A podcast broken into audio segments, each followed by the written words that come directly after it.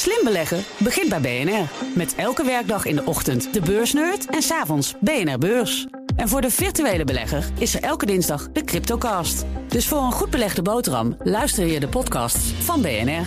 Blijf scherp. Doe je een wijntje bij het eten? Of? Ja, ik heb wel eh, altijd wel een beetje een wijntje. Eh, meestal was het een beetje eh, nieuw, ja, een beetje jonge eh, witte wijn of zo. Maar ik ben de laatste tijd ben ik overgegaan op champagne. Kijk. Ja, ja, een grap chic. Of op lekker.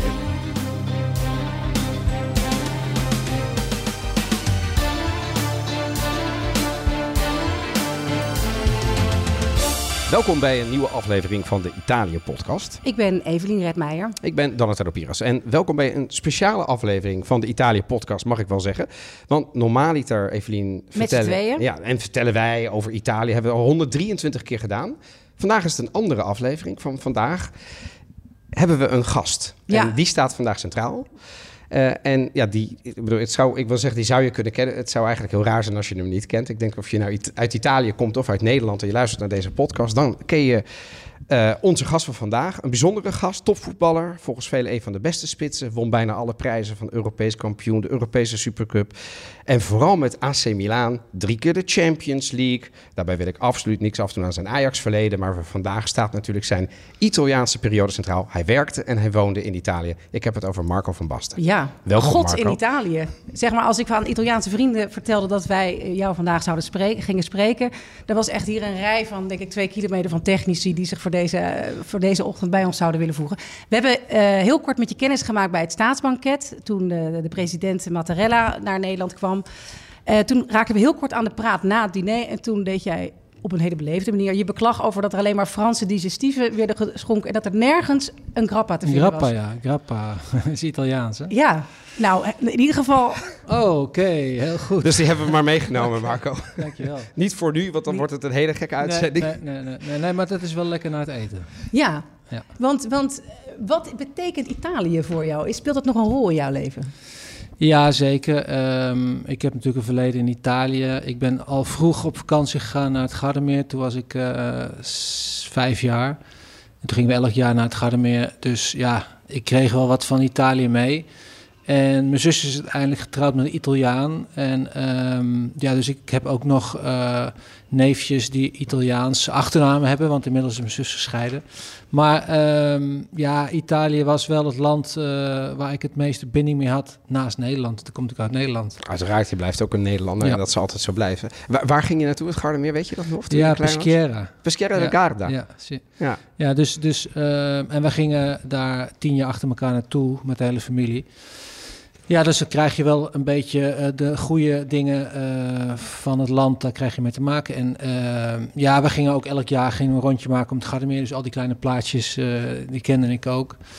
En uiteindelijk werd daar ook veel gevoetbald, ook op de camping. Ook tegen de Italianen, maar ook onderling. En eh, nou ja, goed, later ben ik steeds meer gaan voetballen. En eh, Toen bleek je er ook goed in te zijn. nou ja, toen ik de keuze had om naar een land te gaan waarvan je zegt van oké, daar wordt eh, goed gespeeld, dan was het voor mij natuurlijk eh, niet Spanje, maar Italië. En eh, ook op dat moment was de Italiaanse competitie een van de beste competities van de wereld. Dus het was heel erg aanlokkelijk om die kant op te gaan. En was dat de- de- een van de eerste ontmoetingen die je hebt gehad om over die mogelijke, dat mogelijke contract te spreken, was vlakbij Milaan.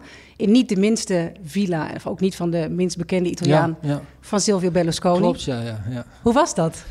Ehm, nou, dat was wel even een eh, ja, imponerend eh, ehm, plaatsje, plekje eigenlijk. Want het was eh, net naast Milaan en eh, hij woonde, ik heb even de naam kwijt. Maar Arcore. Villa Arcore, Arcore. Ja, ja, ja.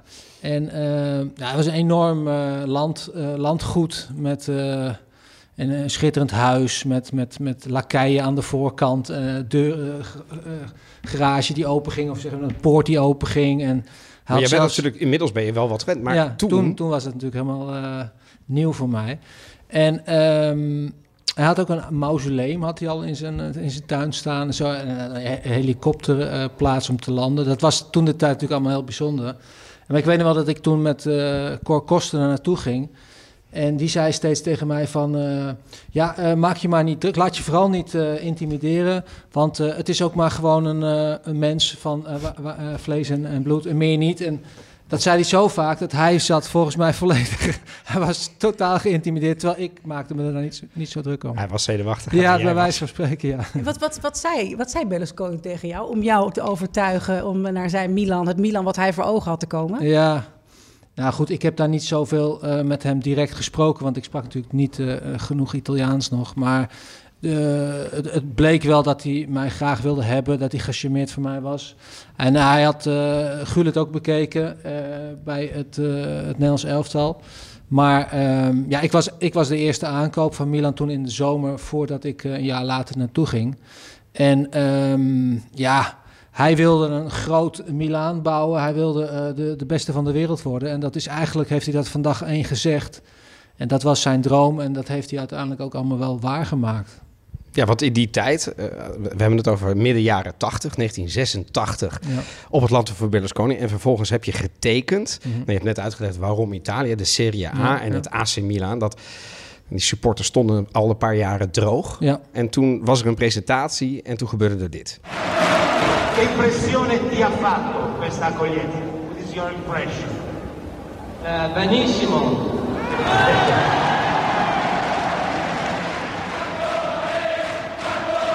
Signori, Marco Lamas.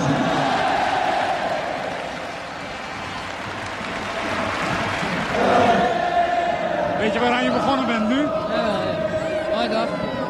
Is toch mooi? Het is wat anders dan in Amsterdam, hè? Ik dacht het wel. Ja, dit is... Uh... Ik denk zelfs voor Italiaanse begrippen wel iets moois hoor. Voor jou en voor Ruud was het meeste volume hè? Ja, er waren nog wel meer hoor. Dus, uh, Ancelotti en uh, ja, nog een paar, maar wij zitten inderdaad bij de top wel ja.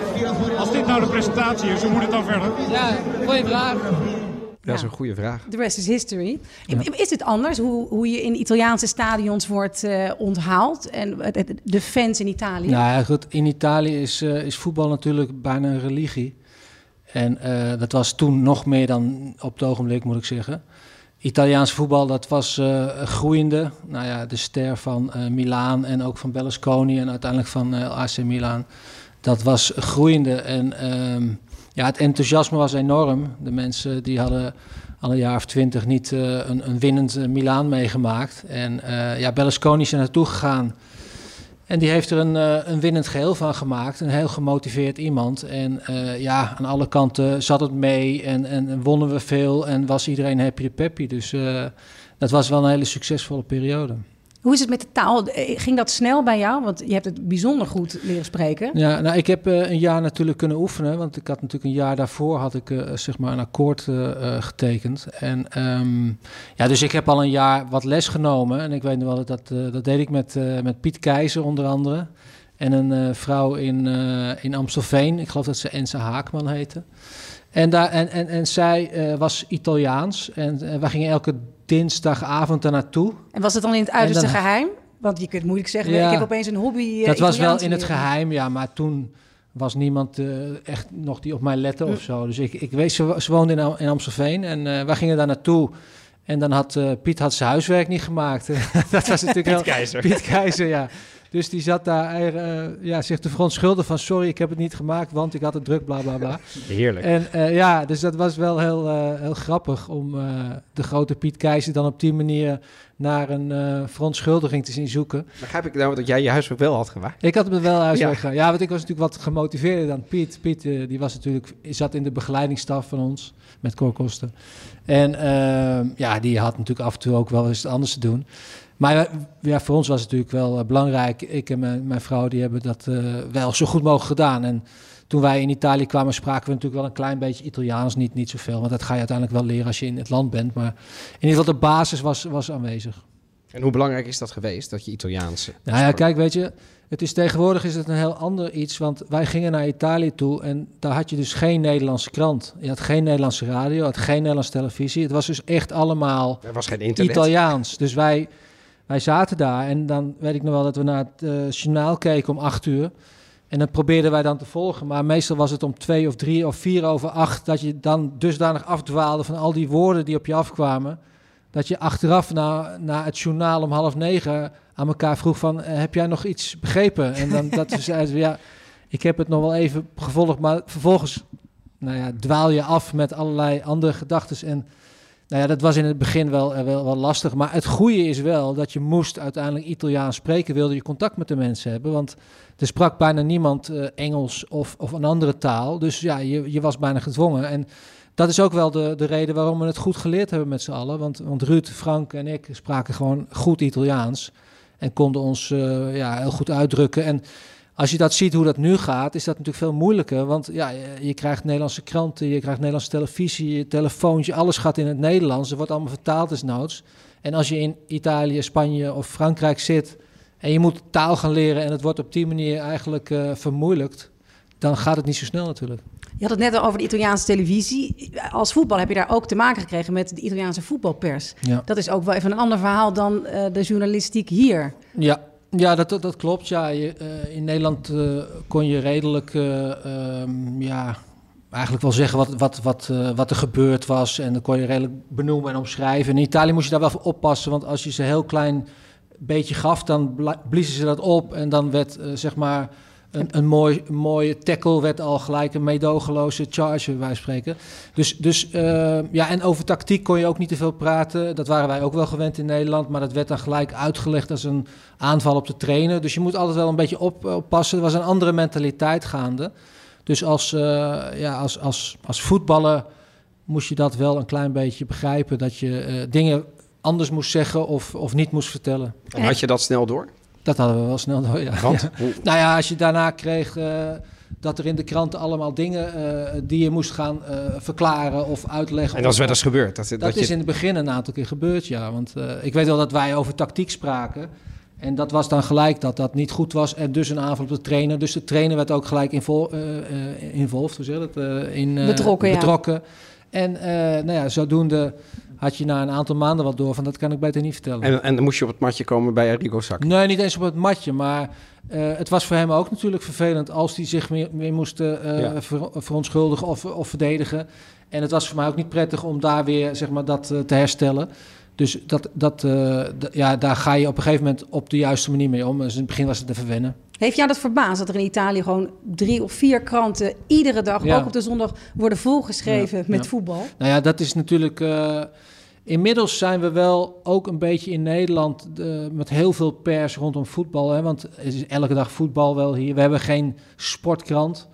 Maar er wordt wel uiteindelijk op de televisie ook veel. Uh, ja, elke dag heb je wel een soort uh, sport- of voetbalprogramma. Dat was toen de tijd al daar al lang. Weet je, daar had je elke dag op de televisie had je allerlei programma's. En in welke regio je er ook zat, of in Noord of Zuid of Oost of West, overal had je allerlei televisieprogramma's, radioprogramma's, maar ook heel veel kranten per dag. Die dus puur alleen, alleen maar over sport gingen en dan met name over voetbal. En uh, ja, dat was wel heel veel. Dus je moest op een gegeven moment ook wel zeg maar afstand nemen van, nou goed, ik, geef één of twee keer een interview, maar je kan niet de hele dag blijven babbelen over allerlei dingen waar je alleen maar eigenlijk daarna meer herrie van kreeg dan dat het uh, prettig was. Ja, precies. En ik kan me voorstellen, zeker in de eerste periode, want om de situatie te schetsen, in die tijd was het net weer toegestaan om drie buitenlanders ja. toe te staan hè, ja. bij de competities. En toen jullie, de drie Nederlanders waren, zeg maar, de drie buitenlanders familie. Voor de rest waren het alleen maar Italianen. Was er nog een, een, een, een cultuurverschil tussen jij, Frank en Ruud en zeg maar de, zeker, de, zeker. de Italianen? Zeker, ja, ja. Ja, ja ik weet nog wel dat wij, uh, ze keken uh, ook naar ons ondergoed. Het was heel ouderwets, vonden ze. En uh, wij liepen op, op Gimpen. Dat ik was durf ook... bijna niet naar je ondergoed te vragen, maar wat was dat dan? nou, later is Frank in de ondergoed gegaan. Ja, ik weet het. Ja. ja wij wij hadden gewoon naar, zeg maar, zeeman onderbroeken bij wijze van spreken. En de Italianen hadden natuurlijk allemaal van Giorgio Armani of weet ik veel wat. En, maar ook, ook schoenen. Wij liepen op Gimpies. Ja, zij hadden allemaal leren schoenen aan. En, en, en het meest frappant was eigenlijk nog, wij, wij namen gewoon een plastic zak mee waar je toilettas in zat of dergelijks. En zij hadden allemaal uh, ja, uh, leren tasjes en zo. En en zo. nou ja, ja. Dus, dus dat was wel even wennen en ook aanpassen. En er werd ook wel geduld, weet je wel. Die Nederlanders waren natuurlijk wat dat betreft nog niet opgevoed. Ja, ja, en, precies. uh, ja. Nou ja, maar dat zijn we uiteindelijk... Frank is, is later in de onderbroeken gegaan bijvoorbeeld. is iets aan overgehouden. Maar ik, ja. Wat ik me nog herinner is zeg maar... Uh, ik ben Italiaans opgevoed door de ouders, maar ik ben in Nederland opgevoed. Ja. En ik weet nog dat tijdens mijn afstuderen... er een enorm uh, sketch is gemaakt door al mijn vrienden... Eh, en dan gingen ze zeg maar mij nadoen met een föhn. Ja, ja, ja, feunen, weet je wel, dat was ook iets.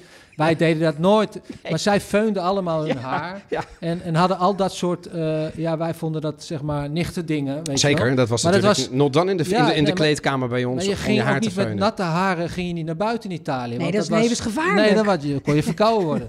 Maar dat was bij ons helemaal, eh, ja, helemaal geen vraag. En eh, dat, was, dat was allemaal dat soort dingetjes. Ja, daar, daar kijk je naar en dan denk je, ja, vind ik eigenlijk helemaal niet zo gek. En Nee. dan, later dan wordt het gewoon. Was Ja. er eigenlijk enige... Natuurlijk waren ze blij met de resultaten... maar jullie als drie Nederlanders die echt de sterren waren van dat team... was er enige eh, ja, jaloezie? Nee, totaal niet. Nee, nee ehm, kijk, Frank en eh Ruud en ik waren eh, voor het team waren dat goede spelers. Daar werden ze beter mee. Maar zij hadden ook sterren als een Baresi en Maldini en Tassotti, noem maar op. Donadoni. Die- dat waren ook Italiaanse sterren. Speelden zij ook in het nationale team. nationale team ja, Dus allemaal, dat waren ja. grote spelers. Dus, en grote spelers respecteren elkaar en goed met goed maakt beter. En weet je, wel, dus ze hadden ook wel het idee van ja, als zij ons helpen, dan zijn we natuurlijk verder eh, dan eh, als we dat niet doen. Dus nee, we voelden allemaal dat samen spelen was, was prettig, was leuk en we hielpen elkaar. Dus wat dat betreft was de sfeer heel goed en er was geen sprake van jaloezie of iets dergelijks. Spreek je nog wel eens jongens van, eh, eh, Ja. van, die, van die tijd? Ja, Van de. Italianen bedoel ik dan, hè? Want Ja, ja, ja, ja. Ik, eh, ik kom nou, enig, een paar keer per jaar kom ik in Italië om te golven. En dan, en dan met name dan de jongens met wie ik gespeeld heb, met Donadoni en de golfers, die eh, Tassotti, ja. die, die, die, die doen dan mee en dat is leuk. ja. En die spreek je dus ook, zeg maar... Ja, ja, eh, ja. ja, ja. ja, Ik- ja. Met vakantie zien we ze maar. Want ik weet, ik ga vaak in Puglia op vakantie. Daar woont Donadoni. Tassotti komt vaak langs. Massaro komt langs. Ah, kijk nou ja. dus, dus eh, nee, dan is het eh, ja, al gauw oude jongens krentenbad weer. Juist dat snel? Ja. de sfeer al snel weer als vanuit? Ja, heel snel. Ja. Alsof je elkaar bij wijze van spreken wekelijks ziet. Terwijl Ja. je, ja, je ziet elkaar één keer per jaar of zo. Ja, en is dat dan alleen met de man of is dat dan ook gewoon met, eh, met, met alle partners en vrouwen erbij? Ja, want Donadoni woont daar ook. Dus de vrouw en zijn kinderen zijn er ook. En, en Massaro die heeft dan ook zijn- nieuwe vrouw bij zich. ja, dus ja, het ligt ook een beetje van... Meestal zijn ze op vakantie, dus dan zijn ze wel met partner. Ja. Maar we zijn ook wel eens eh, een paar keer hebben we samen afgesproken. Gingen we gewoon naar Sicilië een paar dagen. En eh, dat is ook heel leuk. ja. Hoe, hoe goed is je Italiaans nu nog? Want we kennen het niet. ja, ik moet, ik moet het wel weer een beetje oppikken elke keer. Omdat ik ga eigenlijk steeds minder wel naar Italië. Zomers ga ik eh, meestal een week naar Elba en een week naar Puglia. En dan door het jaar heen ga ik nog wel eens een keertje golven. Eh, nou ja, zeg maar oktober of, of, of, of april of zo. En dan is het, eh, het wordt wel wat roestiger dan het vroeger was. Ja, maar je komt dan wel weer, dan pik je het op... want de voertaal is onderling altijd Italiaans Ja, ja, eh, gebleven. ja, ja. Wat ik nog me afvroeg, ehm eh, Arrigo Sacchi. Mhm. Ehm, jij was vanuit Ajax heel erg gewend om uitgebreid techniek te bespreken. discussies met Ja, Cruijff. ja, ja. Dan kom je in een hiërarchische ja. Ja. maatschappij als Ja, Italië.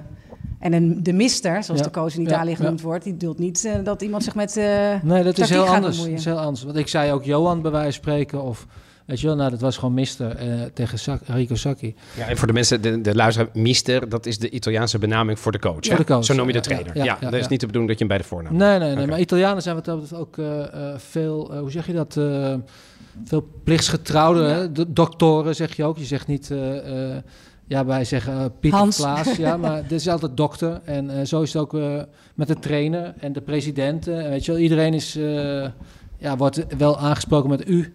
En als de president binnenkwam, dan stond iedereen op, weet je wel, dat soort dingen. Eh, ja, best wel, hoe zeg je dat? Eh, gezagsgetrouw. ja, veel meer dan wij in Veel Nederland. meer gevoel voor Ja, autoriteit. Ja, ja, Ja. absoluut. En hoe was dat dan met, met bedoel, ging dat goed met Saki? Oh jawel, ik heb met Saki heb ik eh, prima ge- gewerkt. Soms heb ik wel eh, zeg maar een andere mening. En dat wordt dan een beetje uitvergroot alsof wij het eh, niet met elkaar eens zijn. Maar nee, Saki is een hele aardige man. En een goede trainer. En wel heel erg gefocust en idolaat van het spel. Waar, waarvan ik soms denk van ja, je kan ook te ver gaan. Maar nee, het is een, een, een gentleman.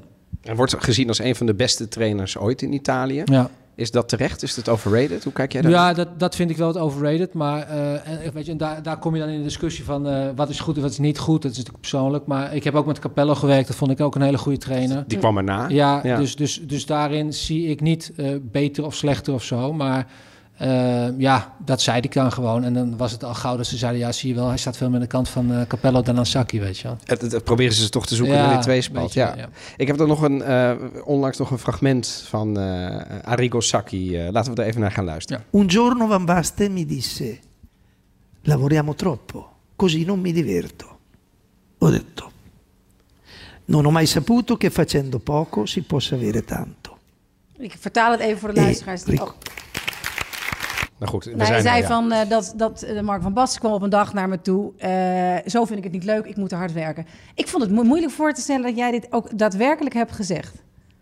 Nou, ehm, ik denk ook niet dat dat... Want hij, heeft het heel vaak over vroeger Sacchi... en dan heeft hij zo zijn eigen waarheid... en maakt hij zijn eigen verhaal. En dat, dat gebeurt heel Ja, vaak. dat, dat gelooft hij zelf. En dat- Natuurlijk, ja, dat is, dat is zijn waarheid. En eh, ja, ik, ik heb dan hele andere eh gedachten. Wat zijn jouw gedachten? nou ja, ik, ik heb wel gezegd dat we vaak eh, veel te hard en veel te veel trainden op bepaalde facetten. En dat er veel meer, zeg maar, wat vrijheid in een partijvorm gedaan moest worden en zo. Want daar was hij niet. Hij deed niet vrij, vrij partijtjes. Veel te weinig vond ik, ja. Maar goed, dat, dat is ook een mening. Eh, Ik bedoel, en eh, uiteindelijk hebben we elkaar heus wel gevonden. Maar er, er is er altijd wel iets van, nou ja, ik vind iets meer dat het linksaf moet en hij vindt het iets meer op rechtsaf. En daar hadden we natuurlijk wel eens discussies over. Maar dat is nooit een probleem geweest. eh, want uiteindelijk hebben we drie jaar heel goed samengewerkt. En uiteindelijk was het wel zo dat hij, eh, ja, na die drie jaar wilde hij wel een, eh, een, een, een, eh, een duidelijkheid hebben van of ik ben de baas en iedereen luistert naar me. En anders eh, dan eh, moeten we een keuze gemaakt worden. En dat is uiteindelijk in zijn nadeel uitgegaan. Want dat heb ik ook tegen Berlusconi gezegd. En toen heeft hij die keuze op mij eh ge- Het is wel heel erg parlementair Hoog op- en diplomatiek. Hoog opgespeeld. Diplomatiek Ja, dat ging op een gegeven moment hoog. hij eruit of jij Ja, op een gegeven moment wel, ja. Maar nogmaals, wat ik zei, ik heb eigenlijk altijd wel heel prettig met hem gewerkt. Alleen, ja, hij had een bepaalde manier van werken. En daar zat weinig vrijheid in. En als speler, en, wij zaten natuurlijk op een al heel hoog niveau, heb je ook wel een bepaalde vrijheid nodig. En we konden het echt wel met, met elkaar redelijk goed oplossen, veel dingen. En, en hij bleef maar doorgaan. En nou ja, dat, dat, eh, dat, dat was op een gegeven moment wel een beetje een, eh, ja, een factor die ging opspelen. En daarnaast is, of daarna is er dus een keuze gemaakt van eh, wie wordt nu de trainer. En eh, ja, dat, dat is niet in zijn voordeel uitgevallen. Nee. Eh, Als je, als je dat soort situaties hebt, je gaat weer even terug naar die tijd. De media speelt er natuurlijk ook een rol in, want die smullen natuurlijk van Ja. tweespalt Ja. en dat soort Ja. dingen. Ehm, hoe heb jij dat meegekregen? Ik bedoel, kon- kon jij, kon jij de media bespelen of schermde je je er juist voor af? Nou ja, kijk, ik was een hele belangrijke speler. eh, en ehm, Ja, je was de topscorer Ja. van de Serie A, terwijl Ja. Maradona eh, zeg Ja. maar bij Napoli speelde. Om even voor de mensen die zich misschien niet kunnen herinneren. nee. Dus ja, je was nogal belangrijk. Ik was belangrijk, ja. En eh, ja, op een gegeven moment werd de discussie tussen mij en Sakje werd gewoon wat, wat te hevig. En ja, toen kwam de boodschap op een gegeven moment van Sakki's kant af van ja, het is hij of ik. En toen moest Berlusconi een beslissing nemen en die heeft toen voor mij gekozen als het ware. En eh, nou goed, dat, dat is een beetje hoe het, hoe het gegaan is. Maar ja, om nou te zeggen dat ik Sakje een vervelende man vond, dat is, dat is totaal iets anders natuurlijk. Maar was je weggegaan als hij voor ehm, als Berlusconi Sacchi had laten blijven? Eh, dat denk ik niet, weet ik eigenlijk ook niet. Maar ik wist, ik wist wel hoe de, hoe de verhouding was. Dus ik, ik voelde mij daar niet, eh, ehm, zeg maar... ehm, ik voelde mij daar zodanig sterk in dat ik wist dat ik eh, niet weggestuurd zou worden. Omdat ik gewoon simpelweg te belangrijk was. Die, die ja, bijna godenstatus die jij en ook eh, de andere twee hadden, hè, de, de Tred Tulipani, eh, nog steeds vind je overal daar boeken van en posters van. Ja, ongelooflijk. Ja. Had dat ook, het heeft natuurlijk voordelen op een gegeven moment dat je wel echt je stem kunt laten horen tot op het hoogste niveau. Mhm. Had het ook veel nadelen? Kon, kon jij over straat in die tijd? Nee, nee en dan- en dan had ik het nog mazzel. Had ik het nog goed ten opzichte van Gullit. Want die zie je natuurlijk al vanaf 100 meter aankomen. En eh, dat was ook wel het voordeel wat, wat Frank en ik hadden ten opzichte van Ruud. Ruud was natuurlijk een grote gozer met enorm En je had toen haar. die- die- die- dat haar, ja, Ja. fantastisch. Dus ja. die zag je al van verre aankomen. En voordat wij dan ergens eh, zeg maar aankwamen, dan eh, hadden ze Ruud al gezien. En dan waren Frank en ik waren al links en rechts afgegaan, bij wijze van spreken. Dus, ehm, maar wat, wat was de vraag weer? Dat, nou ja, of, of je daar, je, je kon niet over nou, nou ja, straat. dat, dat, Ruud, Ruud was, was natuurlijk eh, het meeste wat daarin getroffen, want die kon dus echt niet de straat op. Eh, die was ook razend populair. Ik was ook populair, maar Ruud was door, ja, die was nog meer populair. En even, je kon de straat niet op, want als je dat wel zou doen... Nou ja, dan gaan mensen alle dingen aan je vragen, alle dingen achter je aanlopen en zo. Dus dat was niet, eh, eh, zeg maar, makkelijk in de zin van... het is niet gevaarlijk, maar het is, het is niet te comfortabel om dan de straat op te gaan. Dus winkelen en dat soort dingen, dat deed ik ook niet. We gingen golven, want op de golf, eh, eh, golfcourts, daar was het rustig. En daar konden we eigenlijk lekker eh, onszelf zijn, een beetje spelletjes spelen... En nou ja, dat, dat was een goede middagbesteding als het ware. En ja, door de stad lopen had niet zoveel zin. En mijn kinderen die waren natuurlijk ook opgroeiende. En ja, daar kon je ook niet mee naar de speeltuin. Dus ja, die kon je ophalen van school. Dat was al lastig. En eh, nou ja, dat, dat, dat was voornamelijk thuis spelen. Of, eh, maar zeker niet naar de speeltuin of dergelijke. En je kon ook niet naar een restaurant met vrienden. Ja, dat kon wel, maar dat was allemaal niet heel handig. En eh, in mijn geval was dat een minder eh, problematisch, maar Ruud kon dat niet. Ruud, Ruud moest bij wijze van spreken, en dat klinkt heel gek, maar die moest echt of het restaurant afhuren of een gedeelte van het restaurant afhuren. Net zoals hij ook van tevoren moest bellen dat hij kleren moest gaan kopen bij een bepaalde winkel. En Gingen dat, ze dicht? En dat hij dan in ieder geval een uurtje kreeg of zo. Dus eh, ja, Ruud heeft daar, ja, had het daar moeilijker mee dan ik. Je schrijft in je boek wat eh fragile, breekbaar heet in het Ja. Italiaans. Wist je die, dat, het, dat de titel was geworden in het Italiaans? Eh, ja, dat wist ik wel. Ja, Ja. ja. ja. Eh, beschrijf je dat eigenlijk tot op de dag van vandaag jullie thuis een, ook wel een Italiaanse levensstijl hebben gehouden? Houden. Ja, ja, klopt. Ja. We eten nog steeds elke dag pasta. Oh ja? Wat Mijn goed. vrouw die, eh, die kookt dat goed. Die vindt het eh, ja, ook, ook zelf lekker. Maar eh, ja, de manier van eten, die, eh, die hebben we overgenomen en mee naar huis genomen. En zelfs mijn kinderen die eten volgens mij eh, elke dag nog pasta. Nog zo. steeds, ja. Was dat wennen in het begin? Eh, nou, eh, misschien wel, maar wel heel snel eh, vond ik het prettig, moet ik zeggen. En ik was natuurlijk ook opgegroeid met gewoon aardappelen en groenten en een balletje gehakt of zoiets. AVG'tje. Ja. Maar nee, ik vond, ik vond pasta lekker. En het eten sowieso was, was sowieso op Milanello super. Maar ook altijd als je restaurantjes had of, of eten in Italië is gewoon heerlijk. Dus ik was wat dat betreft gauw over. En mijn vrouw die vond het ook lekker en die kan ook goed in de keuken eh, terecht. Die vindt het leuk. Die vindt het ook leuk en die maakt het ook met alle plezier. En, en ze, is, ze maakt het ook heel lekker. Ook. En wat, en eh, eh, voor de mensen die we doen in Ita bij de Italië-podcast is er altijd een drankje van de aflevering doorgaans. Meestal is dat wijn, behalve afgelopen maand. We hebben het alleen maar eh. hè, dry January gehouden. Ehm, eh, eh, is dat dan ook met een wijntje? Deden jullie dat in die tijd? Of was Ja. alcohol compleet verboden op Nou, Milanello? Hoe moet ik dat zien? Nee, ik weet, ik dronk toen de tijd niet een wijntje of zo. Maar er waren jongens die mochten smiddags best een eh, rood wijntje of een wit wijntje drinken. Want het is ook wel een beetje een Italiaanse gewoonte. Veel Ja. meer dan in Nederland.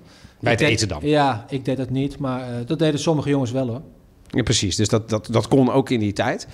Ehm, eh, en ho- hoe is dat nu? Ik bedoel, eh, hou je daar nog steeds... eh, heb jij een, een- doe jij een wijntje bij het eten? Of- Ja, ik heb wel altijd wel een beetje een wijntje.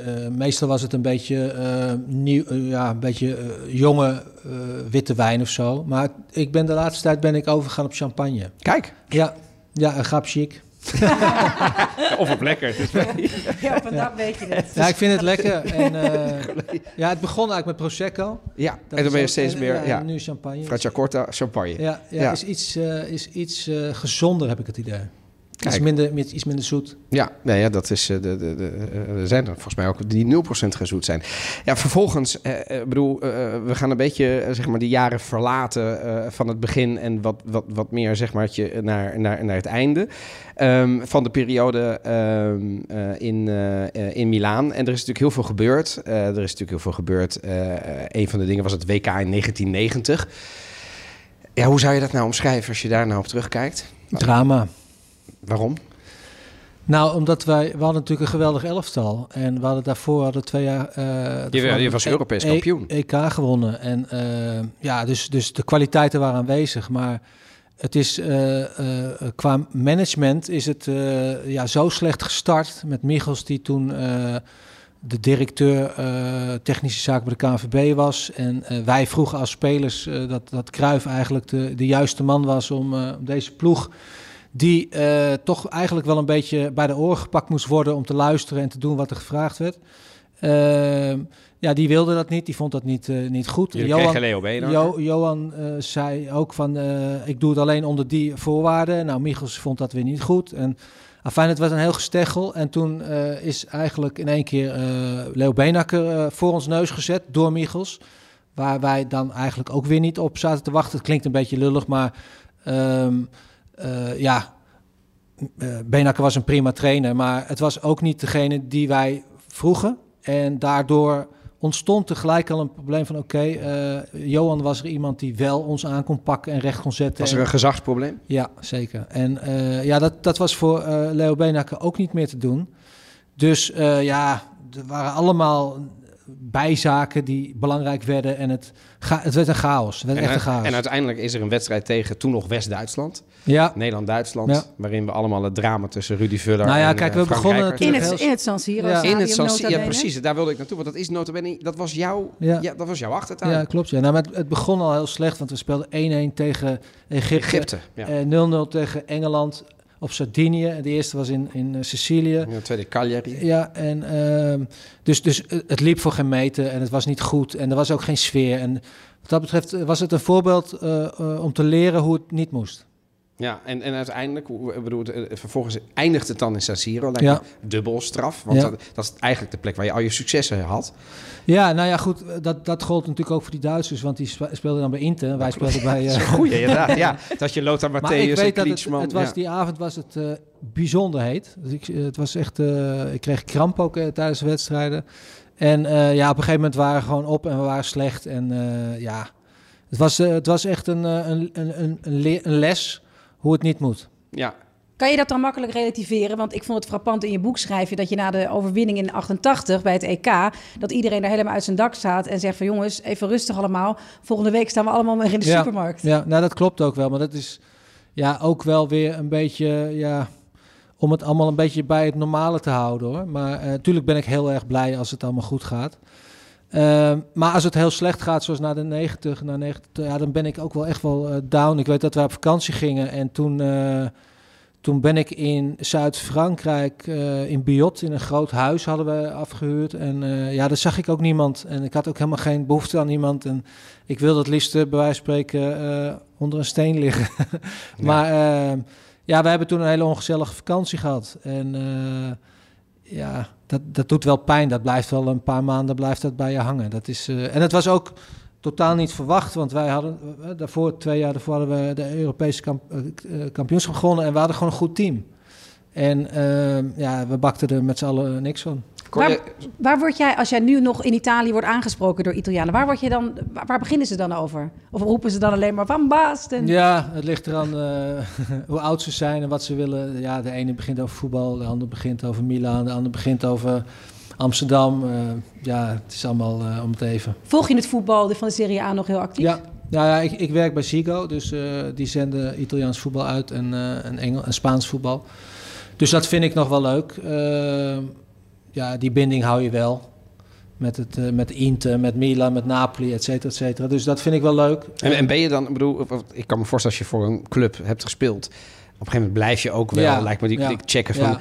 eh, Ja. ik- ben je dan in principe nu, hoop je Ja. ook dat Milan kampioen wordt? Of denk je, nee, ik gun het Napoli? Nee, nee, ik gun het ook Napoli wel hoor. Maar ik, ik vind het leuk als het goed gaat met Milan. Het is wel zo dat er is wel heel veel veranderd. Hè? De eigenaar en zo, dat is allemaal anders. Dus, en de club is echt wel helemaal anders. Maar toch blijft het wel eh, een apart gevoel als je eh, Milan... Goed, vorig jaar werden ze kampioen en je Ja. ziet het hele stadion dan zeg maar uit het dak Was je er? Ik was er niet, Nee. maar ik heb wel wat gepost op... eh, op Sociale media? Ja, dat ik het, eh, dat ze gefeliciteerd Ja, cetera. ja, Dus precies, ja. Dat soort dingen vind ik wel leuk. En ik, ik, ik gun ze het ook het allerbeste. Het is wel zo dat zeg maar eh Galliani en Berlusconi zitten momenteel bij Monza. Ja, als ze jou zouden bellen voor Ja, Monza, ja. zou je gaan? Nee, dat niet. Echt niet? Ze hebben al gebeld, we hebben al contact. Echt? Ja, ja. Nee, maar Oh, niet om mij te, niet, eh, niet om mij te vragen, niet om mij te vragen, maar we hebben gewoon een vriendschappelijke band. Oké. En, ehm, maar goed, eh, zij hebben dus eh, nu van Juventus gewonnen. En, eh, Ja, hou maar zij op. Ja, hij- hij zij is gaan rustig door. dus, eh, zij dat- gaan rustig Hou door. maar, hou, hou maar op. En die hebben allemaal punten aftrekken. dus Ja, dat, man, hou... ja. da- da- nou ja, Rechter rijtje. met Daar hebben we die- vorige week ja, in de ja, podcast iets over gezegd. Hè? Dat Ja. is, eh, nou goed, daar wil ik, eh, d- zullen we het niet te, lang Maar over bijzonder Juventus wel, hebben? wel bijzonder dat, dat zo'n ploeg... Monza. Ja, nee, Juventus, Oh, dat, ja. dat die zeg maar zo elke keer hun hoofd stoten tegen allerlei... Verklaar je dat? We gaan er nog eventjes op door. Nee, ja, ik. maar ik vind het wel terecht. Nou dat hij Ja. dat, want dat is natuurlijk ook zo. Hoe verklaar je dat? Nou want ja, dat weet is, ik er zit, niet. Ja, En Jelly is daar de baas. En eh, ja, die heeft toch leiding gegeven aan iets wat niet goed is. Eh wat niet kan, wat niet door de beugel kan. ja, En, maar het is eh, niet met de oude Agnelli, hè? Nee, Die- maar het is een jongen. Het blijft wel een, een Agnelli. Ja, heeft hij het charisma van zijn eh Nou ja, opa? ja, ik vind het wel aardig vent. Maar dit is wel wat hij zich moet aanrekenen. En Ja. Uiteindelijk zie je dat het eh, een aantal jaren... Hè, met die, eh, dit was toen die makelaar, die, die van 19... Morgi. Morgi, ja. Morgi, ja. Dat, Dat, dat was natuurlijk een, eh, iemand die Teruggezet buiten... naar de Serie B. Ja, Het echte Calciopoli. eh, Ja? Ja, ja, maar dat was dus niet een Agnelli, maar wel onder de naam van Agnelli. En nu gebeurt het weer, dus dat, dat brengt wel een smet op Ja. de naam. Dat is wel jammer. Nou, zeker. Je ziet ook dat, eh, dat eh, John Elkan, hè, de, de echte eh, de, de, de erfgenaam, eh, van, Mm. hè, ondanks dat hij niet Agnelli heet, is dat wel degene. Mm. Die heeft zijn neefje, Agnelli en Netvet en nou ja, de, Ja. hele raad van Ja. bestuur eruit Ja. gegooid. Ja. Gewoon, Ja. Jongens, en nu kappen. Ja. Dus er zit nu iets nieuws, schone lei. Maar dat dit inderdaad twee keer zo heftig Ja. gebeurt dat je Ja. teruggezet wordt. Je zou, je zou moeten zeggen dat een ezel zich één keer stoot aan iets, maar het is nu de tweede keer. Ja, en het is nu ook niet alleen een, sch- het is een schandaal echt wat alleen bij Juventus ligt. Hè? Dat, Ja, maar dus- er komt meer aan. Komt meer aan? Ja, het, het schijnt wel een Italiaans iets te zijn. Ja. Ja, nou, maar Heb ik jij moet er ooit iets van meegekregen? Toch dat soort schimmige dingen? Nee. Het gokken op voetbal, het, Nee. het meedoen? Nee? Nee, dat niet. Maar het is wel zo dat ze, ze, ze moeten compenseren. Omdat ze kunnen niet op tegen de, de gelden die er spelen in Engeland. Engeland, en waarschijnlijk ook nog wel in Premier League en Ja. Spanje, met name de topclubs. Ja, Ja. En dus heeft, Juventus heeft natuurlijk geprobeerd om een Mee beetje doen. mee te doen. Ja. En, ja, dat is niet echt gelukt achteraf. Want ik bedoel, Nee. eh, nou ja, goed, het kan wel eh, lukken, maar je moet wel zorgen dat eh, de regels voor iedereen gelijk zijn. En het is weliswaar nog steeds discutabel hè, in hoeverre datgene wat zij hebben gedaan wel of niet legaal is, want dat wordt nog onderzocht. Maar het is wel zo dat je van tevoren weet dat het een discutabel iets is. Nou ja, nu, nu heb jij zelf ook ooit een keer, in, in, in, nou, niet in hetzelfde schuitje gestaan, maar in de tijd van Milan, eh, waar natuurlijk eh, eh, allerlei deals werden gemaakt, ook de sponsordeals. Ja. Nou, dit staat ook in het boek Ja. Fragile of in Ja. Basta, heet het in Nederland, jouw autobiografie. En uiteindelijk heb je geschikt met de Italiaanse fiscus voor het luttele bedrag van 7,2 miljoen. Ja. Anders was het misschien nog veel meer geweest. Ja. Hoe kijk je daarop terug op die periode? Want dat lijkt me niet een van de leukste dingen die je dan zeg nee, maar... Als nee admin- kijk, en dat was een beetje lullig, want eh, ik had een, eh, een advocaat van Stibbe Blaze en de Jong. En die heeft mij geadviseerd. In die tijd. Eh, ja, en die heeft mij klaarblijkelijk niet goed geadviseerd, omdat eh, ik werd aange, eh, hoe zeg je dat, aangeslagen of eh, Aangeklaagd. ja, ja. aangeklaagd. En toen moest Zij ik, zei dat dit Ja, kan en ja. dat bleek niet te kunnen volgens Exact, de ja. fiscus. Ja. En eh, vervolgens heb ik ook de Nederlandse fiscus, eh, dus ik heb ze allebei gehad. Maar dat, dat kwam omdat ik verkeerd geadviseerd werd. En eh, daar moest zij dus weer extra voor gaan werken. En daar vroeg ze weer geld op eh, voor mij om dat te betalen. Ik zei, ja, dat is toch niet eerlijk? Want uiteindelijk eh, be- betaal ik jou om mij goed te adviseren. Ooit een claim ingediend bij Nou, ja, ik heb toen een andere iemand moeten nemen. En ik heb dat uiteindelijk eh, eh, niet zeg maar, met haar kunnen afmaken. Maar dat is natuurlijk het, het gekke van eh, zeg maar, hoe, hoe dit soort eh, moeilijkheden kunnen ontstaan. Ik, ik, heb- ik heb geen verstand van eh Fiscaliteit en, nee. Dus ik heb me laten adviseren. En eh, vervolgens kom je dan in een bos terecht. Ik, ik voelde echt dat ik was in een donker bos geduwd. En ga het maar uitzoeken, weet je wel. En, en ik weet helemaal niets van die hele materie. Maar ik word wel, eh, want ik kreeg geloof ik 35 miljoen euro Precies. belastingaanslag. Ja. Eerst van Nederland en toen van Italië. En even voor de record, dat was ook voor Marco van Basten een boel geld. Ja, dat kan je wel zeggen. Ja, nee, precies. Ja. Dus er zat er dus ook een boete bij, maar er zat ook nog eh, de ouderwetse rekening bij. Heb je Dus- ooit gedacht, ik ga dat gewoon, want ik, heb, ik ben gewoon te goede trouw. Ik wist toen niks, ik ben gewoon verkeerd. Ik ga daar gewoon tot het naadje vechten. Nou ja, ik moest wel, want ik kon dat niet betalen. Nee, precies. Dus ja, en ik, ik- ja, ik, ik heb gelukkig iemand eh, die nu nog steeds mijn manager is, die is bijgesprongen, die heeft me geholpen. Waardoor het allemaal nog op, eh, op zijn pootjes terecht is gekomen. Maar ja, dat zijn wel hele vervelende dingen die ook in het, eh, in het eh, voetballeven of in het leven waar succes heerst en veel verdiend wordt, kunnen gebeuren. Ja, dat is nog steeds zo, hè? Ja. Misschien nog wel meer. Ja. Met al die rechten die als Ja. een Ronaldo nu Ja, weer tekent. Ik bedoel, schrik je nog af en toe van die bedragen? Ik schrik er niet van, nee, nee, nee zeker niet. En wat vind je ervan dat ze naar landen als Saudi-Arabië gaan om te voetballen dan nog wel? Ja, dat, ik vind het wel heel gek dat hij daar naartoe gaat, omdat hij is een jongen die al zoveel verdiend heeft. Het, het, het geld wat hij nu erbij krijgt, dat merkt hij niet, dat weet hij niet. En dan zou ik, als ik hem was, zou ik veel meer voor plezier gaan. En als jij een Portugees bent, dan ga je nog de laatste twee jaar misschien bij Sporting Lissabon spelen of iets dergelijks. Of, of dat soort dingen doen met de jeugd en nog eh, Ja. iets, iets opbouwen. Maar je gaat niet voor, voor meer geld in Saudi-Arabië spelen. Dat vind ik wel een beetje teleurstellend eh, in zijn keuze. Messi wordt ook nog over gefluisterd, dat ja. hij zo'n stap zou maken. Ja, Dus Toch, ja. ja ik vind dat... Ik Ja. vind dat eh, tot het naadje doorgaan, hè? Tot- ja. Totdat je nog zoveel mogelijk... Ja, maar dan zou ik zeggen, dan blijf ik of in de Europese top spelen, want dat is de top. Of je gaat naar een iets minder niveau, à la Cruijff, die dan zeg maar uit eh, zeg maar zijn, zijn, eh, zijn carrière eindigt bij Ajax.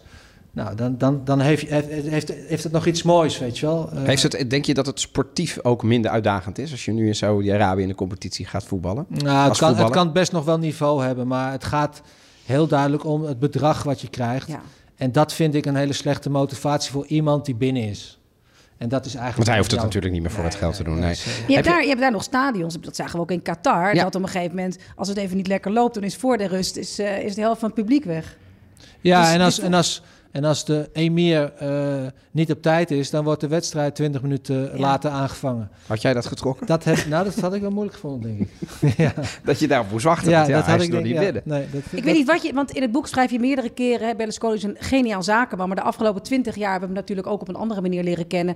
Met boonga boonga feesten. Ja, hij is ja. niet weg te slaan, terwijl hij al in de tachtig is uit de Italiaanse politiek. Ja. Ben jij, hoe kijk jij daarnaar, eh, Berlusconi, die als politicus eh, Ja. toen... eh, Ja, nou goed, ik heb hem als president en dat was, vond ik hem echt top. Eh, hij was ook een slimmerik. Hij was iemand die de boel kon vermaken, hem enorm eh, kon motiveren. En eh, ja, met de jaren is hij natuurlijk wel ook, daar is ook wat slijt op gekomen. Maar ik moet aan de ene kant wel zeggen dat ik kan me ook wel een aantal dingen begrijpen dat, dat mensen dat een beetje ehm, vervelend vinden of aanstootgevend of iets dergelijks. Maar ehm, ja, aan de andere kant vind ik het ook wel leuk dat hij heel veel dingen toch gewoon heel direct benoemt. En eh, ik vind dat soort mensen maken de wereld ook wel weer leuk. Had hij ook dat soort grappen een beetje toen Ja. jij hem uit de kleedkamer... Ja, ja. eh, ze- Ja, ja, Ja? absoluut. Ja, ja. Hij was gewoon eh, een van de jongens, zoals het ware. En dat probeert hij nu nog steeds te zijn. En dat is een beetje, ja, misschien te ver Kan je dat nog op je 87? Nou ja, ik vind het toch knap dat hij bij wijze van spreken wel zijn best ervoor doet. ja. Daar Ja. kan je ook wat van vinden. Ja. Dat is waar, ja. Ja. ja. En, nee, en je hoeft ja. het niet altijd met, met alles eens te zijn, dat ben ik ook niet. Maar ik, eh, ik, ik heb eh, nog steeds een diep respect voor hem. Ik vind het een fantastische vent. En eh, ja, hij is inmiddels, is hij volgens mij eh 86. Ja. Ja, zes- Ja, zes- 87. 87. Hij is ja. van 36 volgens mij. Ja. En eh, ja, hij staat er nog redelijk goed in, wat dat betreft. Dus eh, Laatste Ik keer geef dat je hem ik gezien geef- hebt? ja, ik heb met, eh met Oud en Nieuw vorig jaar nog aan de telefoon gehad. Maar hij heeft natuurlijk de laatste tijd ook eh, wat problemen gehad Ja. met eh, Corona. corona en dergelijke. Maar eh, nou ja, Galliani en, en, en, en Berlusconi, dat waren de, de me- mensen die Milaan zeg maar stuurden. Die heb ik nog wel steeds eh, eh, dicht bij me. Dus Galliani kun je ook nog wel eens spreken. Ja, Ja. spreek ook over. Iemand die toen naast je zat is Galliani. En dat was met een persconferentie die je misschien op een hele andere manier in die tijd eh, had voorgesteld. Mi dispiace per tutti quanti perché è stata una, veramente una bella vita.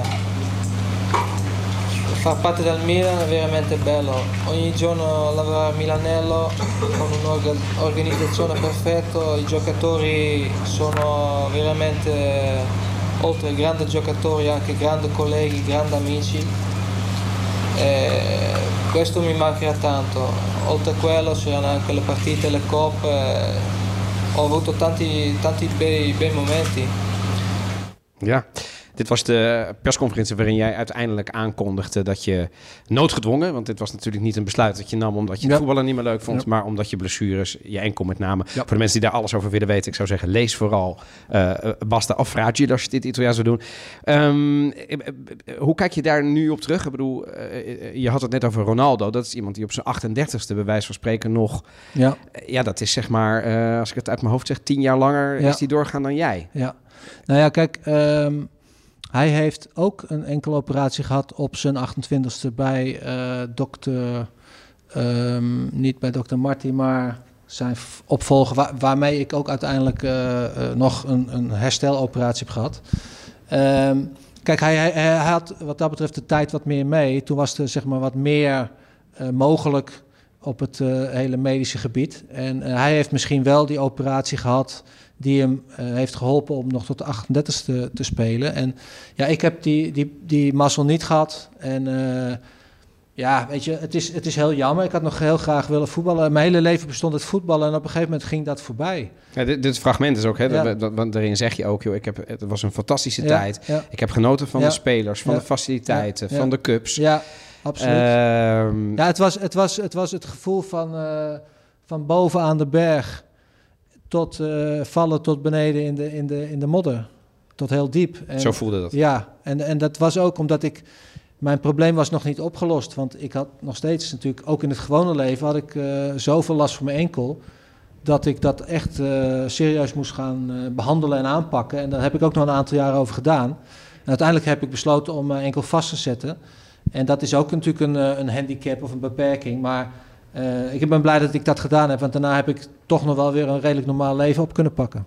En Hoe is het nu met je enkel? Ja, dat is nog steeds vastgezet. Maar ik kan inmiddels kan ik wel eh, ik kan, eh, sporten. Ik kan niet voetballen. Ik kan niet Zelfs een tennis. partijtje voetbal moet nee, je dat niet willen. ik, nee. En tennissen lukt niet. Maar ik kan wel squashen nu. En ik kan golfen en dat soort dingen. Dus ik, ben, ik kan ge- gewoon wandelen. Ik kan skiën. Dus ik, ik, heb, ik heb nog wel genoeg om lekker te sporten. En daar ben ik wel blij mee. Was het eigenlijk ook een koude kermis even om weer vanuit Italië in Nederland eh, te wonen? Nee, dat is onze keus geweest. Want eh, wij zouden dus, en dat was natuurlijk ook allemaal financieel eh, verzonnen, dat wij zouden na mijn carrière zou ik naar Monaco gaan om daar dan zeg maar de restant van het geld eh, binnen te, eh, te krijgen. Harken. Ja, te harken. en eh, dat was zeg maar de bedoeling, eh, verzonnen door zeg maar mijn adviseurs. Toenmalig. Ja, en dat is dus allemaal niet gelukt. Maar ik ben, daarna ben ik bewust terug naar Nederland gegaan, omdat wij met de kinderen eh, toch wel wilden dat ze gewoon naar Nederlandse school gingen en eh, in Nederlandse opvoeding. En dat opa en oma die Nederlands praten, dat die ook met de kinderen kunnen praten en zo. En die afscheid, hè, want jij loopt dus ook met pijn aan je enkel. Je, niet meer. Nee, dat rondje San Siro Ja, als afscheidsrond, dat voelde je gewoon die enkel. Bij de afscheidswedstrijd die ik heb gezien was van Francesco Totti. Nou, daar helde het hele stadion. Dat was Ja. volgens mij bij jou ook zo. En jij blijft dus op, op het oog in ieder geval. Het, het doet je zeker wat, maar redelijk ru- rustig. Rustig, ja. Of, of Ja. is het van binnen echt een soort waterval aan Ja, ja, emoties? ja, ja, je ziet als je goed kijkt naar mijn ogen, dan zie je bij mij ook wel eh, waterige ogen hoor. Dus eh, ja, ik had, was natuurlijk ook zwaar geëmotioneerd.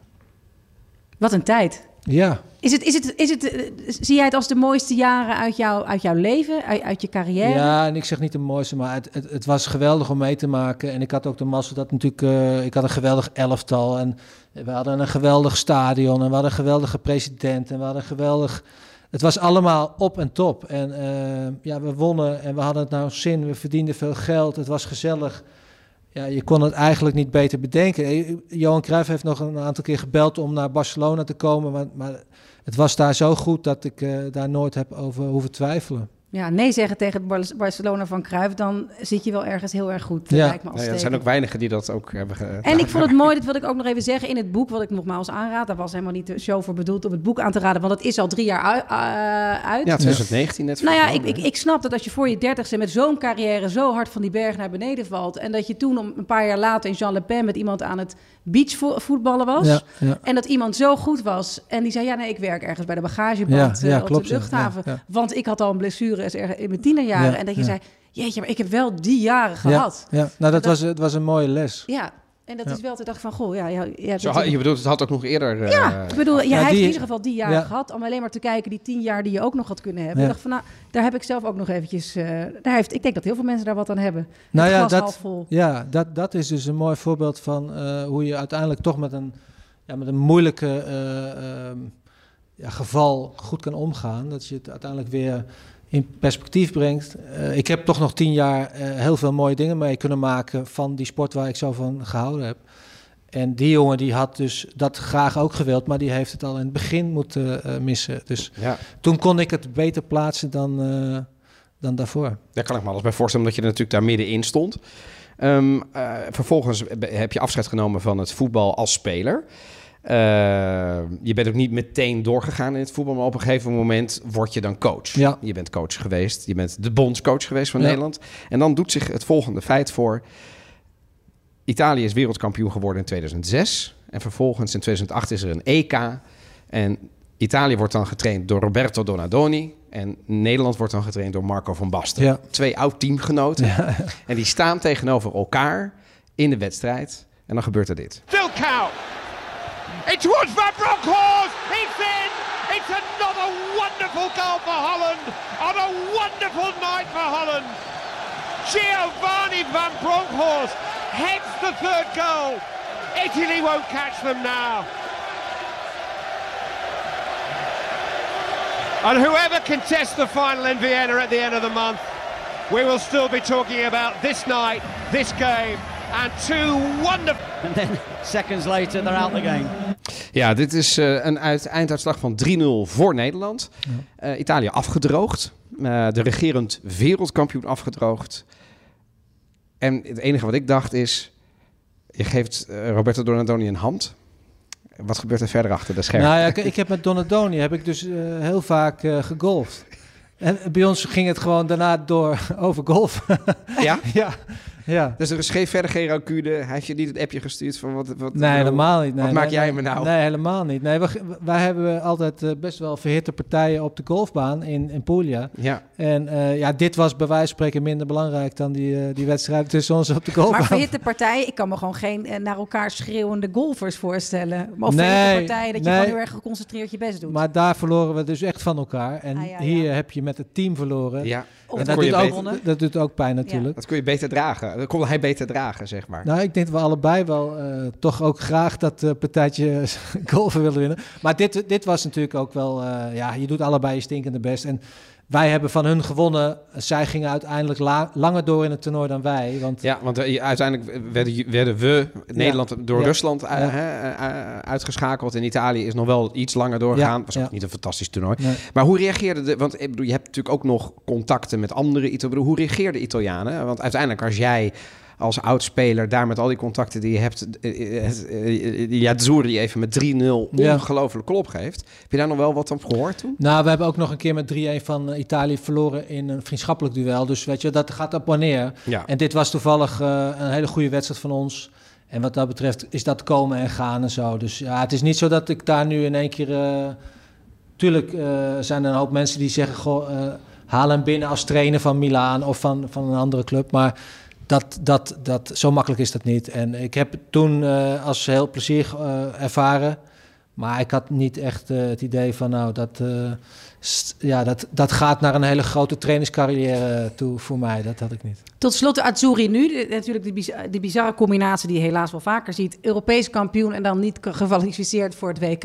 Hoe, hoe is het Italiaanse voetbal eh, op dit moment? Is het aanvallender? Is het aantrekkelijker? Is het minder op de verdediging eh, ge- eh, geconcentreerd? Nou, wat, wat mij opvalt is dat er een enorme hoeveelheid buitenlanders in de Italiaanse clubs allemaal vertegenwoordigd zijn. En eh, met name eh, mensen uit eh, Joegoslavië, hè, de, al die eh, landen die Kroatië, form- Servië, ja, hè, ontzettend veel. En eigenlijk de Italianen mis ik. Normaal gesproken in onze tijd, helemaal aan het begin toen wij met z'n drieën, dan drie buitenlanders en de rest Italianen. Al die Italianen waren goede spelers, allemaal stuk voor stuk. En de vraag is eigenlijk, waar zijn die gebleven? En ik denk ook dat Italië is ook een modern land geworden. Italië is ook zeg maar, heel veel andere dingen bezig dan alleen maar voetbal. Voetbal was vroeger was het een religie. En eh, ja, daar, daar was ook iedereen mee bezig. En je ziet dat Italië ook steeds meer zeg maar, welvaartsprobleempjes krijgt. En ja, het voetbal wordt, wordt nog wel steeds gevolgd en ook wel beleefd, maar niet meer in die mate zoals ik denk dat het vroeger was. En ehm, ja, dat heeft ook te maken met het feit dat bijvoorbeeld zo ontzettend veel buitenlanders bij al die Italiaanse ploegen zijn. Dus het voetbal van kinds af aan, dat eh, wordt denk ik op een andere manier beleefd dan zeg maar in de tijd dat wij opgroeiden. Is dat jammer? Dat vind ik aan de ene kant wel jammer. Aan de andere kant, ja, het is ook, hè, de, wereld is, de wereld wordt ook anders. De wereld in Nederland is anders dan, dan 30 jaar geleden. Maar is de Serie A nog een van de, de hè, want we hebben het al eerder gehad over dat geld van de Premier League.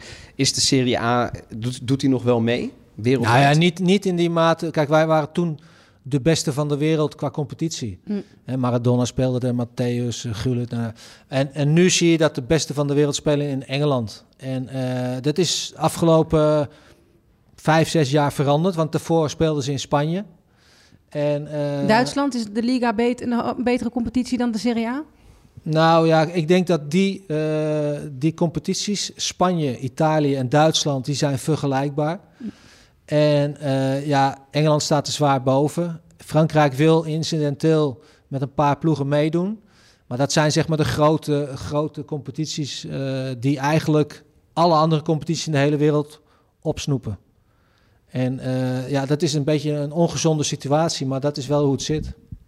Ja. Ik denk dat wij uh, er een heel mooi gesprek van hebben gemaakt. Uh, Marco, ongelooflijk bedankt voor je tijd en om even met de Italiaanse jaren in te duiken en je mening te geven over het Italiaanse voetbal en het voetbal algemeen van nu. Ja, de laatste vraag is: wanneer ga je weer naar Italië? Laatste, staat er al iets gepland? Nee, er staat nu niks gepland. Nee, nee. nee maar uh, normaal gesproken sowieso in de zomer. In de zomer. Ja. Wat is het eerste wat je doet als je in Italië aankomt? Uh, meestal uh, mijn golfspullen pakken omdat we gaan golfen. Maar geen espressootje of zo? Heb je niet een soort van, oh eindelijk ben ik hier weer? Of ben je niet zo'n koffiedrinker? Ik vind espresso heerlijk, ja. ja. En zeker in Italië. Koffie in Italië is altijd lekkerder dan de koffie in Nederland. Ja. Gek zelfs, zelfs al heb je een heel goed, uh, goed automaatje. Ja, we hebben dus nu denk ik al een, een apparaat of zes gehad. Maar nog niet één is er zo alsof je in Italië bent. En als Marco van Basten het zegt. Dan is het zo. Ja. Marco van Basten, dankjewel. En uh, dit was alweer uh, het einde van de speciale aflevering ja. van de Italië-podcast. Wil je nou nog meer afleveringen horen, dan kun je ons natuurlijk altijd vinden in de BNR of in je favoriete podcastplayer. Ja, en deel het vooral en geef ons sterren en likes en dat zo ook. hartelijk dank voor het luisteren en tot volgende week.